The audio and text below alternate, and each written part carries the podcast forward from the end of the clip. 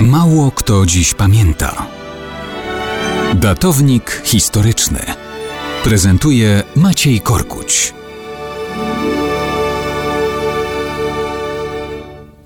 Kto dziś pamięta, że 30 listopada 1988 roku, a więc równe 35 lat temu, odbyła się w telewizji debata szefa reżimowych związków zawodowych Alfreda Miodowicza z Lechem Wałęsą, oficjalnie reprezentującym zdelegalizowane przez Jaruzelskiego struktury Solidarności.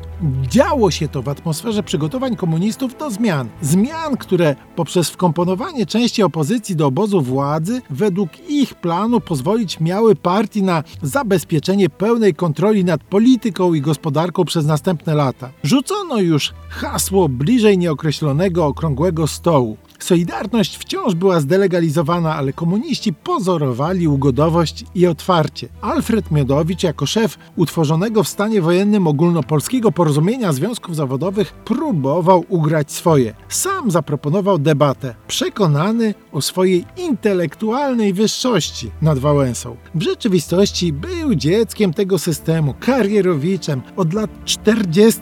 udzielającym się najpierw w stalinowskich organizacjach młodzieżowych, a potem w różnych strukturach partii komunistycznej. Po wprowadzeniu stanu wojennego na fali represji wobec społeczeństwa i zdelegalizowanej Solidarności został Miodowicz twarzą podporządkowanych komunistom niby związków, ale też wszedł w skład Rady Państwa PRL i Komitetu Centralnego PZPR. Tak jak wszyscy komuniści miał usta pełne marksistowskiej ideologii. Debata z Wałęsą zgromadziła miliony widzów. Wielu z nich chciała po raz pierwszy zobaczyć prezentowany na żywo materiał telewizyjny bez żadnej cenzury. Lech Wałęsa wciąż był symbolem całego solidarnościowego oporu przeciw reżimowi. Na tle Miodowicza, operującego drętwymi sloganami partii, Wałęsa zabłysnął jako człowiek mówiący proste rzeczy prostym językiem, bez bagażu partyjnej nowomowy. I w całej debacie Miodowicza po prostu rozniósł na strzępy. Po jakimś czasie na jednej z kamienic w centrum Krakowa ktoś